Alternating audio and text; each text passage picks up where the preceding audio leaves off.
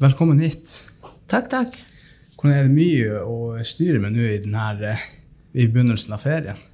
Ja, det har vært mye henvendelser eh, på kirkekontoret, for vi har jo også eh, turister. Vi har jo veldig mye turister, eh, både som kommer med buss, og de som kommer med turistskip. Så, men vi har et eget selskap som tar seg av besøkende, da.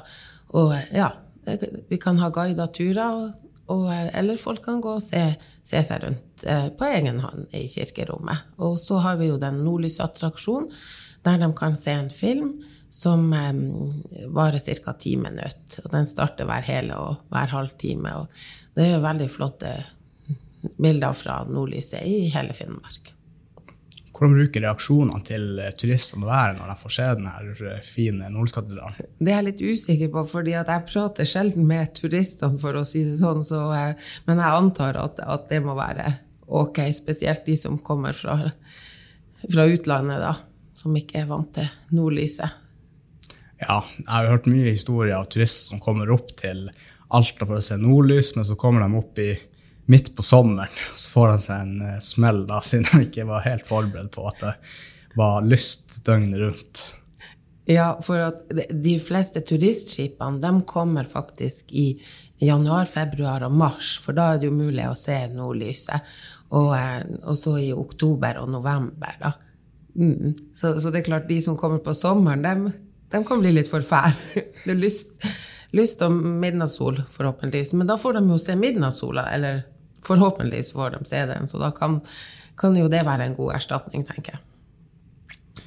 Eh, nå, du er vel eh, ganske ny i jobben. Kan du fortelle litt om den eh, jobben du har gått inn i nå? Ja, altså um, Jeg begynte 1.2. i denne jobben og søkte på den fordi jeg syntes den virka veldig variert. da. Um, i innholdet sitt. Da. Og det, det, har jeg virkelig fått bekrefta. Det er veldig mye forskjellig som vi, vi tar oss av. Da. Um, det er økonomisk og administrativt ansvar da, på å se at vi har penger nok. Det er jo kommunen da, som er, ansvarlig for å finansiere uh, de kirkelige fellesrådene. Da. Ja, så, og så eh, har jeg jo ansvaret for fellesrådets virksomhet. Fellesrådet består av et folkevalgt styre, da, og det er dem som har beslutningsmyndighet til, uh, til mange forskjellige avgjørelser. F.eks. ved ansettelse så er det dem som skal beslutte hvem vi skal ansette, da. Og det er ulik form for saksbehandling, møteforberedelser og følge opp de vedtakene som fellesrådet gjør, da. Og så skal vi også planlegge og tilrettelegge for menigheten sin totale virksomhet da, i Alta kommune. Og det gjør vi jo da i samråd med de to menighetsrådene vi har. Vi har to sokn i Alta, og det er da Alta og Talvik. En sokn, hva det betyr? Det er egentlig menigheter, da. Ja, Eller sogn. Det er et litt sånn gammeldags ord for Vi sier jo sogn, da. For før var jo Alta og Talvik delt. Det var to forskjellige kommuner. Og da hadde du eget eh, sogn for eh, Talvik, da. Og det har vi bare Det fortsetter med selv etter eh, kommunesammenslåinga. Ok, altså de eh, opererer litt sånn eh, selvstendig ja, enda? Ja. ja. Menighetsrådene de tar også ulike beslutninger eh, for hva eh, menigheten skal jobbe med, da. Det er jo ulike i, i, ja, ulike aktiviteter i menighetene. Eksempel så har man laga noe som heter eh, Klubb eh, kor og kakao i Talvik, og det ble en stor suksess. Veldig mange eh, barn kommer dit, og de bare gleder seg til, til neste gang. Da. Så det har vært sånn rundt 20 barn, tror jeg. Men jeg husker ikke akkurat tallet, eksakt tall. Og det planlegges å starte opp det samme på Kvibe. da. Og så har vi også en del frivillige medarbeidere som, eh, som deltar, f.eks. som klokkere, dvs. Si at de leser bibeltekstene ved gudstjenester. Og så eh, driver de Kirketorget, og eh, der har vi åpen kafé hvor folk kan komme, hovedsakelig mellom klokka 11 og 1 på, på dagen. da. Så det kunne vi ikke drifte alene, og vi har ikke ressurser til det. Så, så eh, arbeidet i kirka består mye av frivillighet. Da. Så det setter vi veldig stor pris på, at det er så mange frivillige som kan delta. da. Og opplever dere at eh, har det vært en jevn eh, sånn frivillighetsdeltakelse gjennom alle årene, eller opplever dere en økning eller en minsking? Det er jeg litt usikker på, fordi siden jeg har vært der så kort tid. Men, men der er nå mest eh, pensjonister da, som er, er frivillige. Det er det. Og mange av dem virker som de syns det er hyggelig å ha noe å gjøre da, på, på dagtid.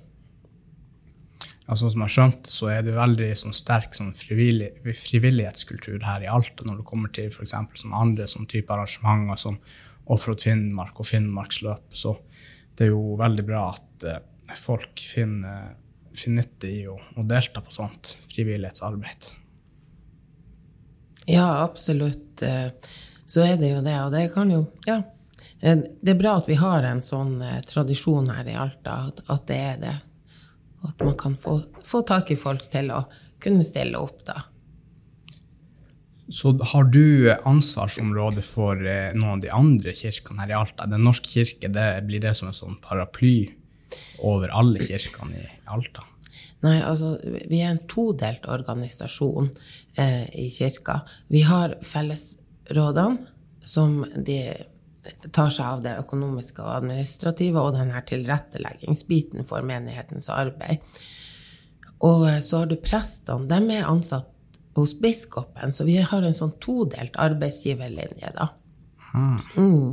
Så, men vi, et, vi, er jo en stab, vi, vi, er jo et fellesskap, så vi, vi samarbeider jo hele tida, da. Um, uh, kantorene, altså organistene, og diakon og kateket og menighetspedagog er ansatt i fellesrådet.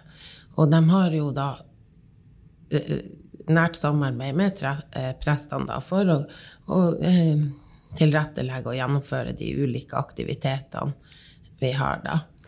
Eh, ja, og når det er begravelser, så eh, tar jo prestene seg av det. Begravelser, vielser og, og gudstjenester. Men så skal fellesrådet påse at det er uh, ja, at vi har organist og kirketjenere. Kirketjenere glemte jeg å si, de er også ansatt i, i fellesrådet. da. Så det De her prestene, de er vel blir, De jobber vel egentlig litt da fra kirke til kirke, de, eh, på, egentlig basert på hva som skjer fra uke til uke? Ja, ja det gjør de jo. Eh, de følger jo en plan sant, for kirkeåret. Og så, ja, så planlegger de jo hvor mange gudstjenester det skal være på de ulike stedene. Eh, det er mulig at det følger av noen regler, det, det er jeg litt usikker på. sånn sett. Men sånn, i Nordlyskatedralen så er det gudstjeneste hver hver eneste søndag. Og eh, i Elvebakken kirke er det annenhver søndag. Det er fast gjennom hele året. da. Også i distriktskirkene så er det øh, kanskje en gang i måneden. Jeg er litt usikker, for vi har tross alt elleve kirker her i, ja, i. Så ja. Mm, I Rognsund, Komafjord, og på Store Korsnes, Kviby, Langfjorden jeg har sikkert glemt noen. Uh, ja. Mange, mange småkirker, rett og slett. Ja, mange småkirker rundt omkring. Så um, ja. Så, men det skal i hvert fall være um, et visst antall gudstjenester i de ulike kirkene. Da. Ja, men det må jo være fantastisk å kunne ha arbeidsplass der i Nordskattedalen, med en litt nyere eh, kirke enn å kanskje være plassert på noen av de her litt eh, gamlere. Ja, ja, vi har jo kontor i Nordlyskatedralen, og det er jo veldig fint. Eh, og det er en veldig flott stab. Jeg har trivdes der fra dag én. og Det er et veldig godt sånn stabsfellesskap der. Og ja, det er mye, mye humor, og vi har det veldig fint, fint, i lag. Men det er veldig hektisk, det er det. Så, men jeg, jeg, trives utrolig godt der. Det gjør jeg. Ja, men Det er godt å høre. Nei, jeg husker bare når det ble bygd denne kirka. det er jeg husker det var litt utfordringer med tanke på eh, når jeg skulle eh, støype denne forskal, lage forskaling til de her betongelementene, siden at det var så spesiell konstruksjon som, var, som, de ikke hadde gjort så eh, ofte før. akkurat. Så det er jo rått å se at det, det går an å, å gjøre noe sånt, mm. lage en sånn her kirke. Du, bruker du noen gang å være på toppen av tårnet der? Nei. Jeg har høydeskrekk. Jeg tror ikke jeg kommer til å gå, dra di, gå dit opp.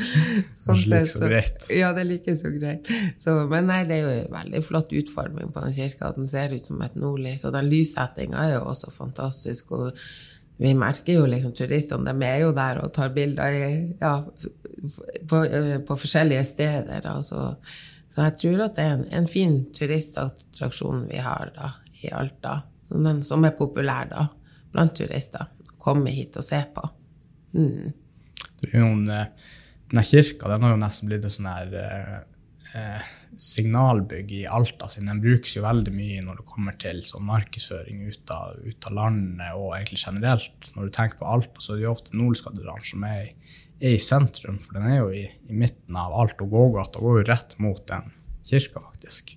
Mm. Det er jo veldig hensiktsmessig plassering av den, og den er kjent i, i den vide verden. Vi har akkurat hatt en um, Eller for kort tid siden hatt en um, henvendelse fra en eh, katedral i Amerika som jeg selvfølgelig ikke klarte å huske navnet på akkurat nå.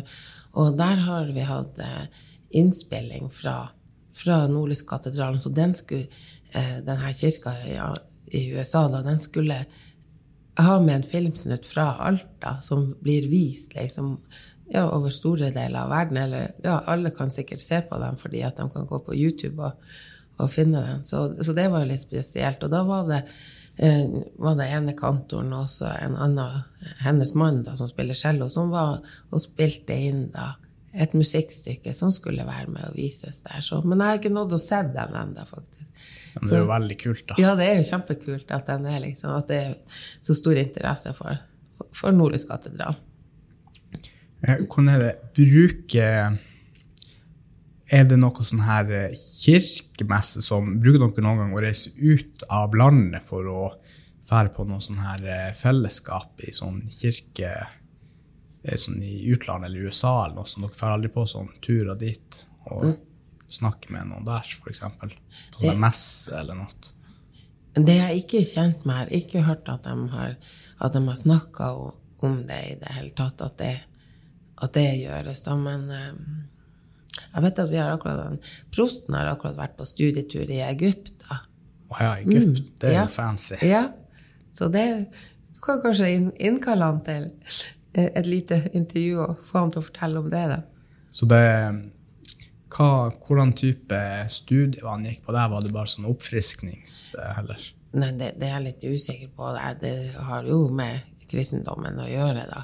Sånn sett, så. Mm. Nei, men absolutt sikkert verdt det. et lite intervju av han òg. Mm. Ja, men det, For jeg, jeg forsto at det hadde vært en opplevelse, for å si det sånn. Så. Ja, men det kan jeg tenke meg når man er i Egypt. Og Mm. det er vel Pyramidene er vel i Egypt. Ja. Så hvis han har klatra på dem, så er det sikkert det veldig kult. Eh, ja. Han kom hjem med brøtten fot, så Å, ja. Men om det var at han hadde gjort det der, eller det skjedde like etter han kom hjem, det er jeg litt usikker på. Datt ned der. ja, jeg håper ikke han har klatra på pyramider. Jeg har sett noen bilder på nett når folk er jo og, og klatrer på det, men som jeg har skjønt, så er vel ikke det helt innafor, egentlig. Jeg tror ikke de lokale setter så stor pris på det. Nei, jeg tror ikke det var det prosten hadde gjort, faktisk. Så jeg tror det var et hendelig uhell. Hva, er- hva er de eh, Har du vært noen eh, Hva er de største utfordringene for deg personlig? Har det vært å komme inn i denne nye stillinga?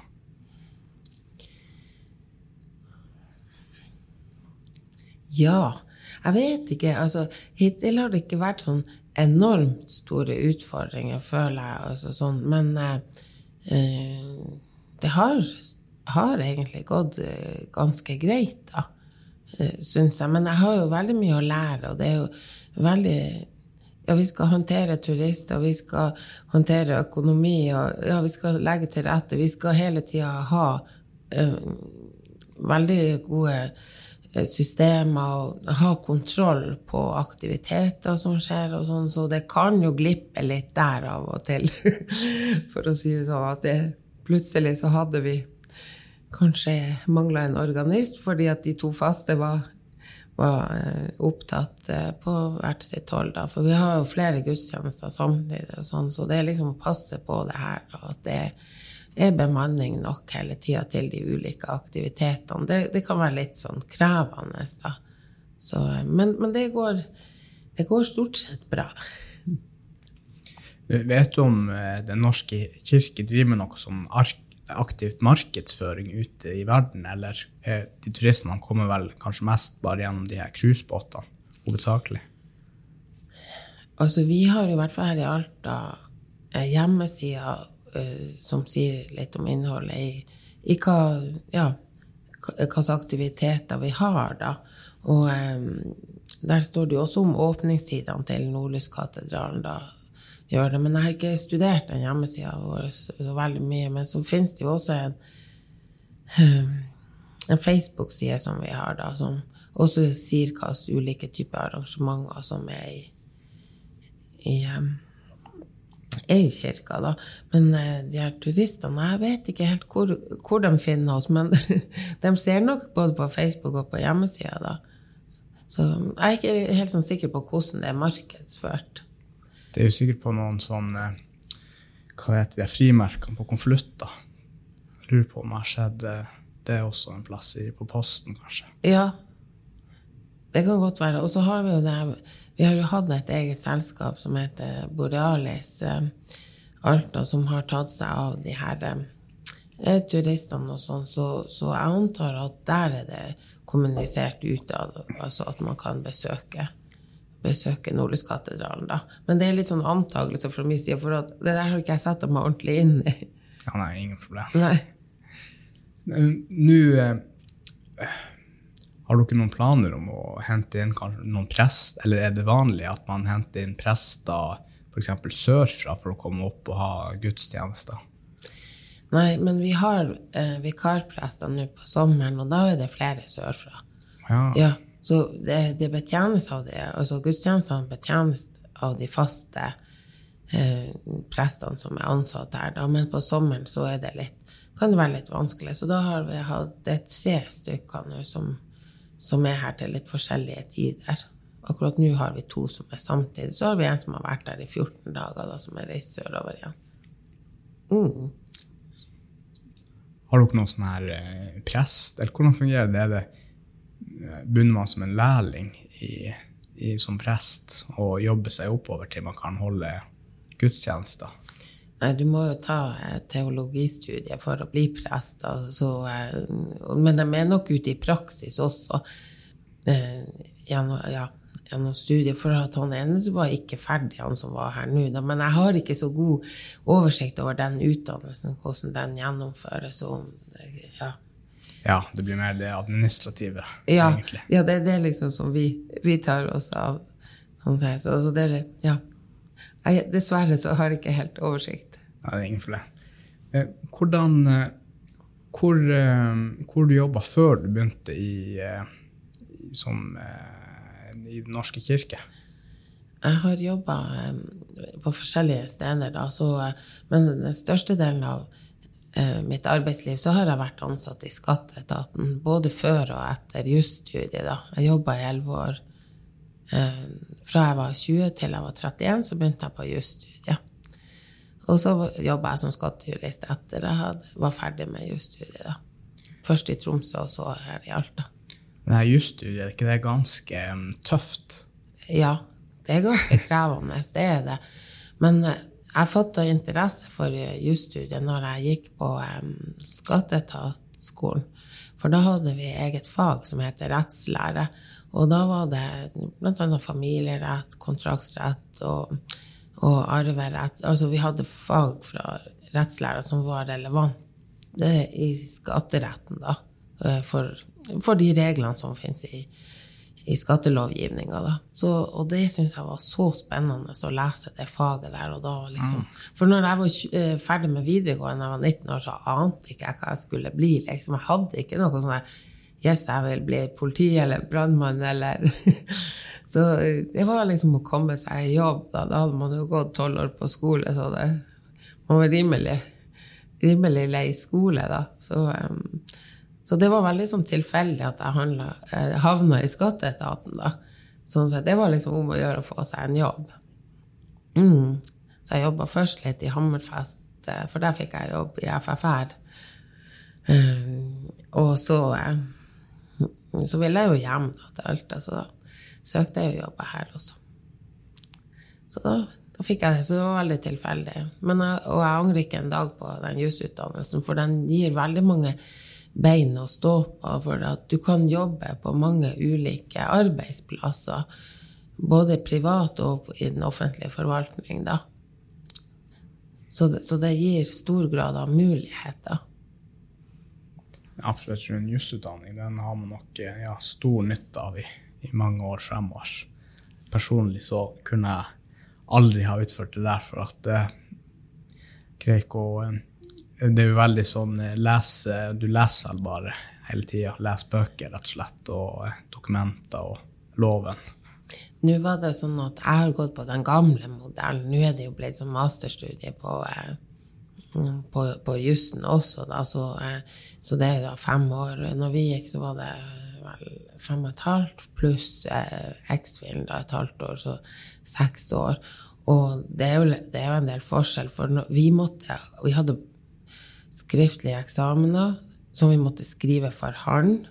Ja, ikke. Ja, og vi ja, møtte opp på eksamensdagen, så hadde vi praktikum. Da fikk vi liksom en historie, og så skulle vi sjøl trekke ut spørsmålene, hva er de juridiske problemstillingene her, og så skulle du skrive ja, hadde en eksamen. Jeg lurer på om den varte sånn åtte-ni timer. Det, var helt forferdelig. Og, og så hadde du teorieksamen. Men nå har du jo mer sånn, har jeg skjønt på de som går nå, at du har sånne innleveringsoppgaver underveis. At det teller også med. Vi hadde bare den eksamen for å, å vise hva vi, hva vi kunne, da. Og så nå skriver de jo en, en masteroppgave, da. Så, så det er endra. Heldigvis. Altså, den der eksamensformen vi hadde, den var forferdelig. Folk var nervøse. Og, ja, og det var jo de færreste som kom opp til den der lauden, som det heter da. Da var det liksom grensa var 2,75. Nå er det jo bokstavkarakterer. Så siste året hadde vi bokstavkarakterer Nei, på fjerde avdeling. Mm. Var det noen som sprang ut av eksamenslokalet når det starta? Nei, det, det, tror jeg faktisk ikke at jeg eh, husker å ha opplevd. Ja, nå er det jo noen år siden, men jeg tror ikke noen sprang ut. De fleste prøvde nok å, å skrive et eller annet. Men uh, det var Ja, det var kanskje fem til ti stykker som var blant de aller beste av store kull. Men jeg husker ikke hvor mange vi var. Men det var Ja. Jeg husker, det var strengt. Jeg gikk på høyskolen for et par år siden, og da, under en av de eksamenene, så med en gang vi fikk utlevert oppgaven, så begynte de å lese gjennom det. Det var ganske Det var sånn her eh, elenergioppgave. Og da var det veldig mange som bare røysa seg med en gang de fikk oppgaven, og så bare gikk ut. Så veldig deprimert, egentlig. De ja. skulle bare konte og tenkte det her er sommerens og Så brukte de hele sommeren på det og fikk egentlig ikke noen pause. Nei, akkurat. Nei. Virker som en dårlig løsning. Ja, altså min erfaring er at, at det er nok viktig å komme seg gjennom pensumet, da. Eh, men på jusstudiet så drilles vi jo hele tida i den juridiske metode. Det vil si at hvordan vi skal gå frem for å løse en, en problemstilling da, som vi får servert. Det vil si at man skal Den går sånn i korthet ut på at, at lov, den formelle lov altså, er jo eh, der vi skal begynne å lete etter, etter svaret. Da, og sånn. Så, eh, men så kan man også bruke andre rettskilder, da, som eh, høyesterettspraksis har jo særlig høy verdi. Da, og, ja, men bruker generelt rettspraksis og forskrifter hvis det er noe, og, og forvaltningspraksis også. Så, så vi, vi, skal liksom lære å vite hvor skal vi finne, finne svaret. Da. Så derfor skulle vi kunne håndtere alle rettsområder, da. Eh, ja, de ulike lovene. For at vi lærer så nøye opp i hvordan man skal eh, finne ut av eh, spørsmålet. Hvor, hvor man henter ja, hvor kildene er for å, å, eh, å, løse et spørsmål som oppstår, f.eks. i arverett. Hvordan har de her eh, eh, rettsområdene Nå er det jo mye på skatterett, men er det noen av de rettsområdene som du brenner ekstra for? Jeg syns jo eh, for så vidt kontraktsrett er veldig artig. Og så eh, lov om sånn Eller fast eiendomsrettsforhold. Det syns jeg er spennende. Det her med grenser og Ja. Eh, det det syns jeg var interessant. Og så liker jeg jo litt økonomi også. Men skatt og merverdiavgift har jeg vært mye innom, selvfølgelig, gjennom jobben i skatteetaten. Når det kommer til eh, sånn kontrakter, eh, er det sånn, for Jeg har hørt at for det om du har en kontrakt for eksempel, på et oppdrag, så kan det være at hvis man går til sak, så kan det være at man ikke vinner den. Men det spørs vel veldig hvordan den kontrakten er oppbygd. da. Så det er vel ikke bare man kan spørre så enkelt om. Nei, det er ikke bare, det er ikke bare å gi et fasitsvar på det. Nei. Men um, om det inngår en kontrakt på et eller annet uh, rettsområde, så, så, er det sånn at man bl.a. ser på om det er en svak eller sterk eh, kontraktspart, eller om man er likeverdig. ikke sant?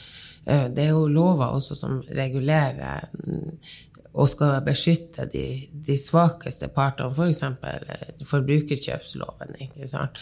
Så, ja, så at den svake part skal få ivaretatt sine rettigheter, da, og at man ikke kan bare lage sånne lugubre avtaler og si at nei, det her er ingen reklamasjonsfrist eller altså, ja. Så man skal beskytte den svake part. Så der har verden gått fremover. Det har vært mye hestehandler, tror jeg. ja, jeg kan tenke meg. ja, opp gjennom tidene. Så um, de svakere i samfunnet har fått flere rettigheter, heldigvis, enn det var, var tidligere. Det er bra. Har du noe eh, råd til hvis man skal lage en kontrakt, eller bør man heller eh, ta kontakt med advokater hvis man skal lage en kontrakt på litt sånn større avtaler?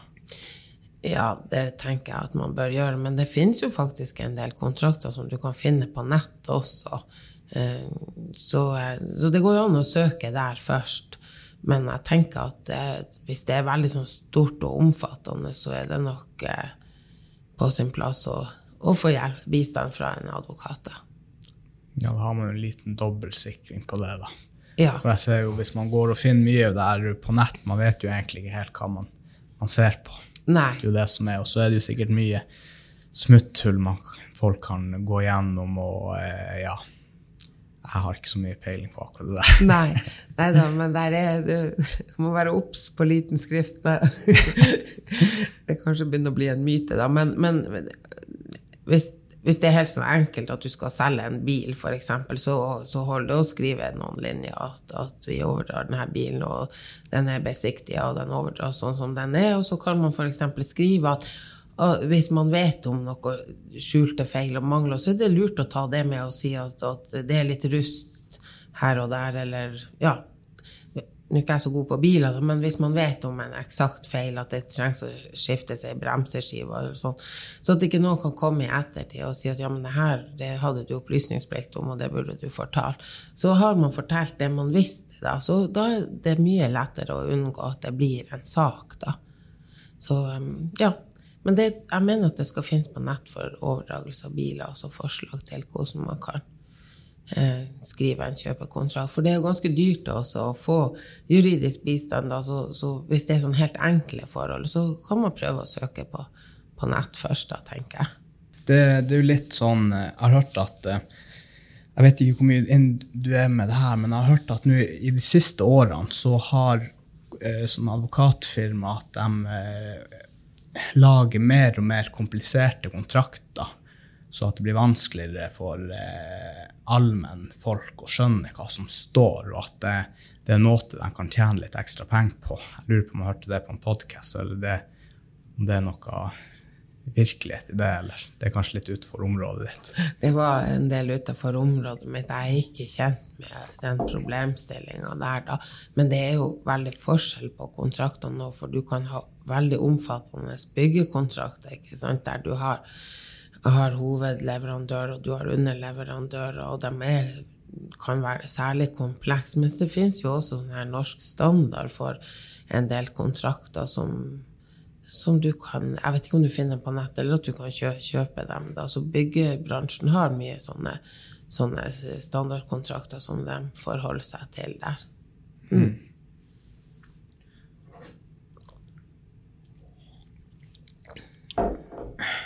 Det, når du jobba, i, jobba du her i, i Byhagen når du jobba på Skatteetaten, eller var det mye tidligere før, eh, før de flytta inn her? Ja, det var før. Det var i Gjensidiggården. Ah, ja. Mm. Hvor, eh, hvor, mange var det som jobba eh, i Skatteetaten der i Alta da når du var til stede? Ja, jeg husker ikke helt eksakt, men jeg tror vi var en sånn rundt 20 stykker, faktisk. 20-25 på det meste. Hadde dere da bare Alta som eh, arbeidsområde, eller?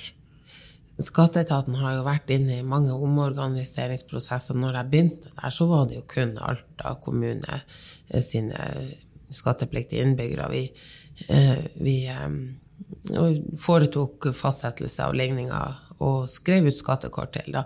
Men så etter hvert så har det vært flere omorganiseringer, og man ble inndelt i sånn regioner når jeg jobba nå sist, så var det jo Skatt nord, da. Så da var det jo de tre nordligste fylkene. Og da, da var det på tvers av de eh, fylkesgrensene som man eh, behandla skattytere. Du hadde de som tok seg av lønnstakere og pensjonister, og så hadde du de som holdt på med næringsdrivende, aksjeselskaper, og noen hadde folkeregistrering, ansvar for det, for, de her, for den regionen. og så ja, så var, da var det inndelt mer i funksjoner, altså hvilke arbeidsoppgaver man skulle gjøre, og hvilken type skattytere man, man, holdt på med. da. Så hadde du kontrollavdelinger som, som kontrollerte ja, tok bokettersyn av næringsdrivende, da. Og nå vet jeg ikke faktisk helt hvordan de jobber. nå har de jo endra igjen. Så, det har jeg skjønt er over hele landet. altså Det er sånn landsomfattende.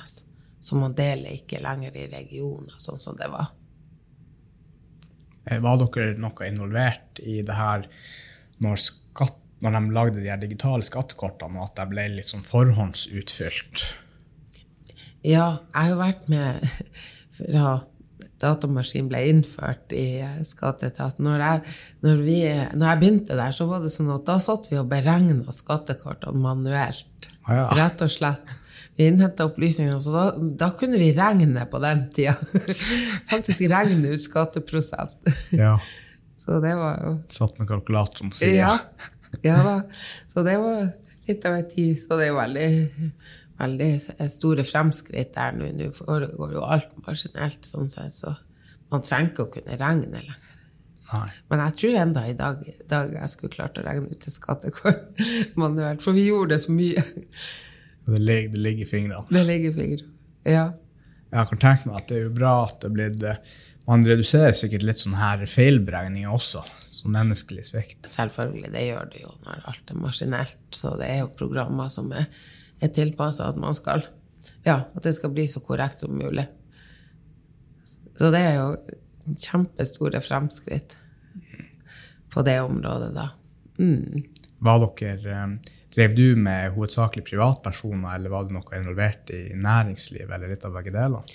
Begge delene, for å si det sånn. Så på de siste årene så var det bare næringslivet som jeg jobba med. Mm. Det er jo sikkert det som er mest eh, kompleks, kan jeg tenke meg. Ja, det er jo det absolutt. Det, det er jo der eh, Ja, det er jo der det er mest komplisert regelverk, da. Så, så, så, det er klart at det er der utfordringene ligger, da. Mm. Var det noen gang eh, bedrifter var uenige på deres beslutninger, eller er det sånn konfidensielt?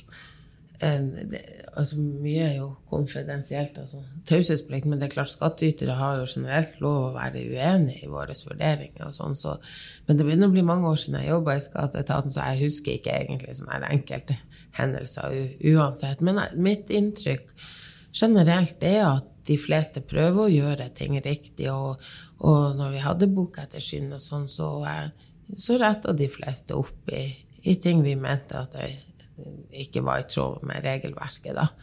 Så, så, jeg har egentlig mest positive erfaringer med, med, med skattytere. Da. Og, og, de fleste hadde jo regnskapsbyrå da, som førte regnskap og tok årsoppgjøret og sendte inn selvangivelse for dem. Og de, de, gjør jo ting på en riktig måte, ellers så risikerer de jo å miste rettighetene, eller ja, retten til å drive som profesjonelt regnskapsbyrå, og revisorene også, da, så de veldig sånn De er veldig strenge og følger de retningslinjene som er, er for de ulike typene skattytere. Da. Du har skille på enkeltpersonsforetak og aksjeselskap, ja, blant annet.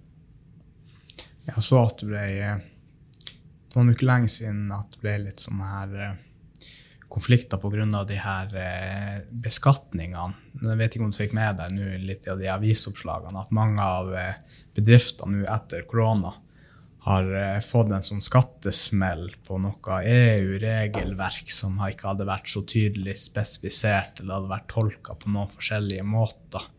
Så det er jo litt surt for dem, da. Men sånt, sånt skjer vel. Har du, har du gjort noen tanker rundt det? Nei, egentlig ikke annet enn at det var veldig spesielt at det liksom skulle ramme så hardt i ettertid, sånn sett. Så, men eh, jeg setter meg ikke tilstrekkelig inn i regelverket til å kunne uttale meg ordentlig om det, men jeg tenker at man burde Når det var så mange som ikke visste om det, ikke sant? og det var åpenbart at, at, eh, at det var vanskelig å vite om det også, så tenker jeg at, at da kunne man kanskje starta på scratch fra man, ble, man oppdaga det, enn at eh, bedrifter skulle ramme så hardt. Men det er min personlige mening, da, selvfølgelig. Så, mm.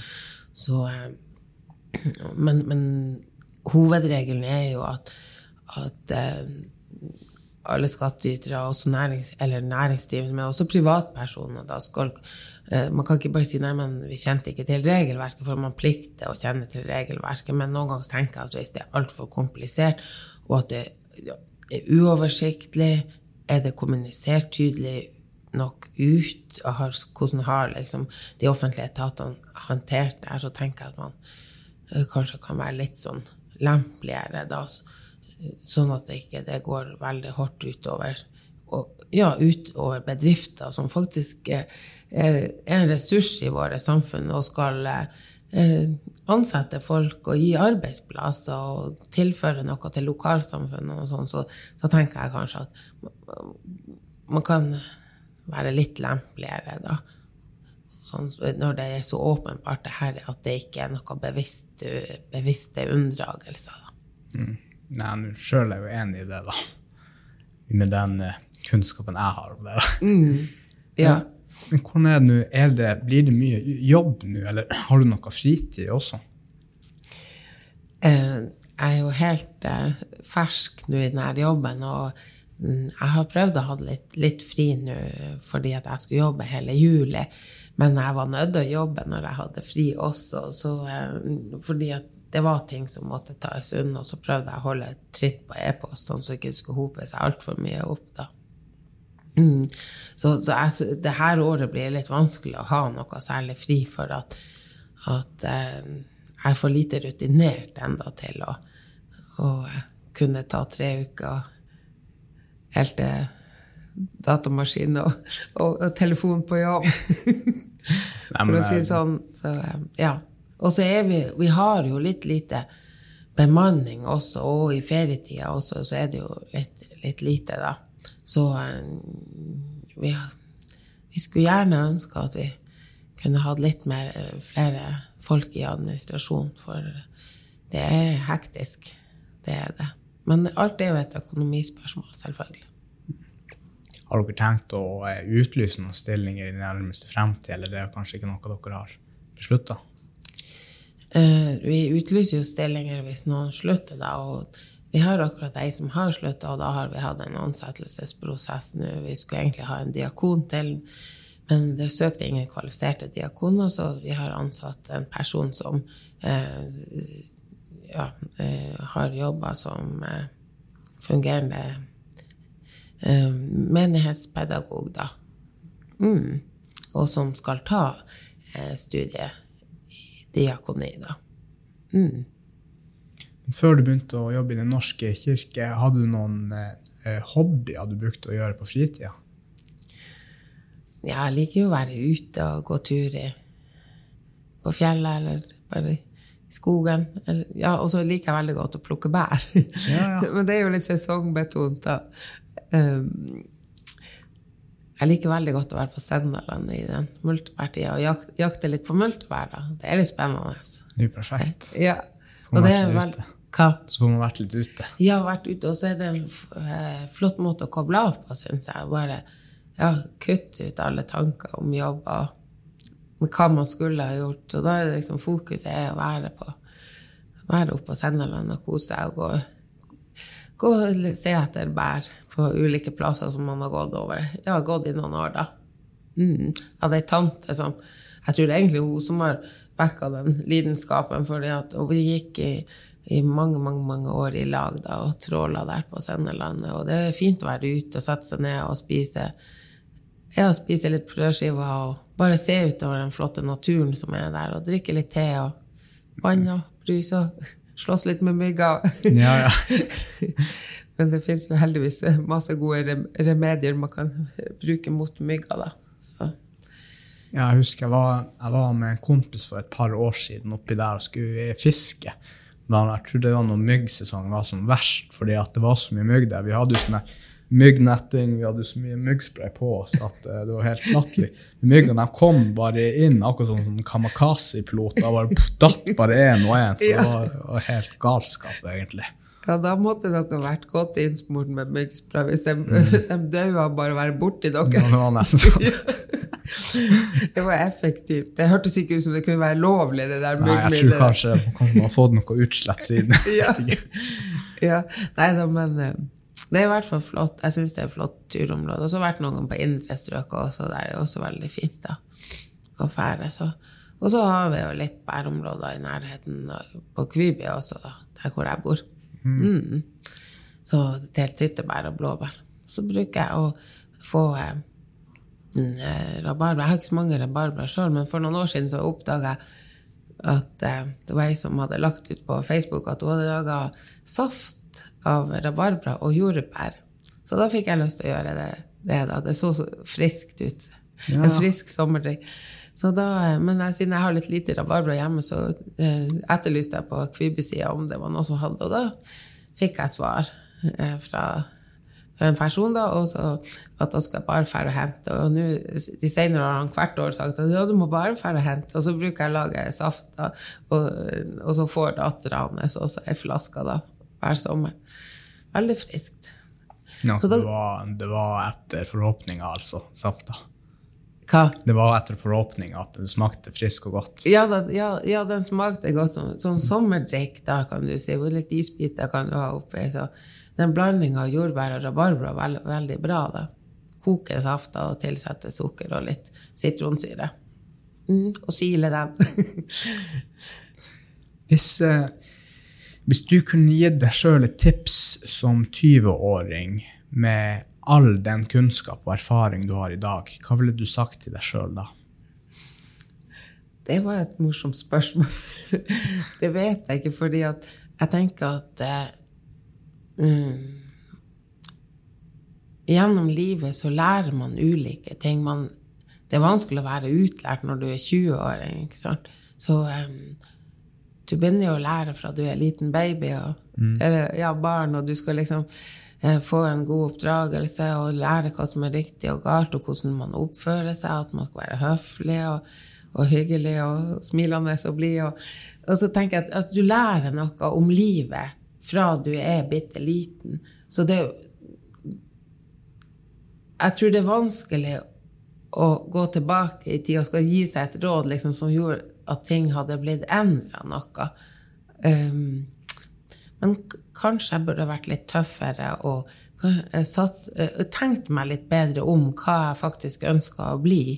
Men, for, men det, det er vanskelig, det òg, fordi jeg føler at det er sånn tilfeldig at, at, eh, at jeg har tatt de studiene jeg har gjort. Jeg har tatt et ledelsesstudie nå ganske nylig, da, og, og at jeg havna der jeg havna i dag.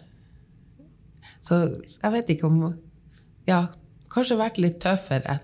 Det kan godt være. Jeg er litt sånn kanskje litt for snill og ettergivende. Mm. Kanskje jeg burde vært litt tøffere.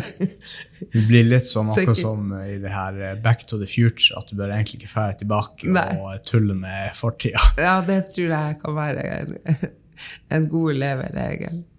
Så jeg tenker at man ikke skal angre på ting eh, som man har gjort. Altså, for du høster jo noen erfaringer gjennom livet, og sånn, så det er bedre å, å angre på det man har gjort, enn det man ikke har gjort. Og det bringer oss kanskje litt tilbake til det her med, med utdannelse og arbeidsliv og sånn. Og det handler om å tørre å, å eh, ta noen sjanser i livet. Altså istedenfor at man tilfeldig begynte å jobbe der og der, og så begynner man å mistrives, og så blir man litt mistilpass og syns ikke det er noe artig. Så istedenfor å, å bli værende der, hvis man har da en annen drøm, eller man tenker 'å, det hadde vært artig å bli det', så tenker jeg at man må prøve å tørre å satse, faktisk. Og det vil eh, kunne medføre at du får et mye rikere liv. For det her med å trives på en arbeidsplass har jo veldig mye å si eh, for ditt liv sånn generelt. da. Altså trives du godt på jobb, har en meningsfull jobb å gå til, og sånn, så, så er det jo generelt mye lettere da, å ha det bra ellers òg. Så for at familien din vil jo merke hvis du ikke har det bra og syns det er pyton jobb du har. Og alle mennesker har jo ansvar for sitt eget liv. Man kan ikke sitte og skylde på alle andre hele tida. Man må ta ansvar sjøl og si det her syns jeg ikke er noe greit, nå prøver jeg å gjøre noe med det.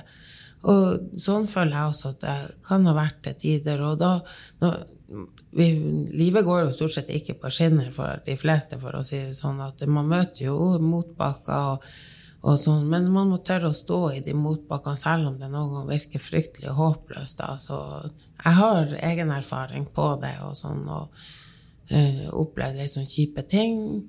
Men uh, nu, ja, men det har jo gått bra likevel, ikke sant at man har tort og sjanser å gjøre noe annet. Pynta litt på CV-en med det ledelsesstudiet. Så, så, så det er å tørre å ta noen utfordringer. Men man bestemmer det sjøl. Altså hvis man er fornøyd med den situasjonen man har, altså den jobben man har, så, så tenker jeg at da, da er du kjempeflott. Da trenger man ikke å gjøre noe. Men hvis man ikke er det, så tenker jeg at man må ha, ta det ansvaret sjøl. Man kan ikke sitte og skylde på andre og være sur og grinete og la mm. det gå utover omgivelsene sine for at du ikke trives der du er. Sånn sett, ah, ja. Det er, jo mange som gjør det også. Ja. Og det er litt sånn ja. trasig å se. Ja, det er veldig trasig å se. Så, så ja. At det skal være sånn. Jeg syns det var en veldig bra oppfordring. Ja. Tørre å satse. Mm. Har du noe du ønsker å promotere? Hva som helst? Nei, det måtte kanskje være det siste vi snakka om. Da, mm. sånn der, at generelt til ungdommen å si at, at Men nå er det jo veldig mange som tar utdannelse i dag. Men når det er sagt, så syns jeg også at vi skal fremheve at, at Norge kan ikke være fullt av teoretikere, for å si det sånn, som bare tar universitetsutdannelse. Jeg syns vi skal sette virkelig pris på alle yrkesgrupper, for det trengs for å få det her samfunnet til å gå rundt. ikke sant? Vi, må ha noen som vasker.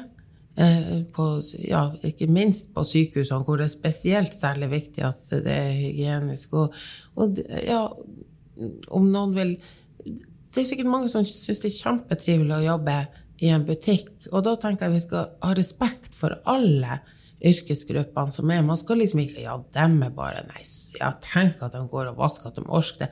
Og da bruker jeg bare å tenke Å, takk og pris at vi har noen som orker å vaske, liksom. Mm. Ja, det, det, alle er viktige, og det, det, tenker jeg er viktig å få eh, frem da, i samfunnet. At man skal ikke se ned på hverandre ut ifra hvilken eh, yrkesbakgrunn man har. da. Mm.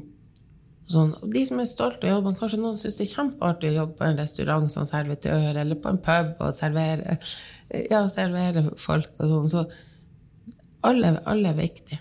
Mm. Nei, absolutt. Mm. Da vil jeg egentlig bare takke at du tok tida og kom og snakke litt her på en podkast. Det var veldig hyggelig. Ja, takk for at jeg fikk komme. Det var trivelig å være her. Det var ingen problem. Ha det bra, alle sammen.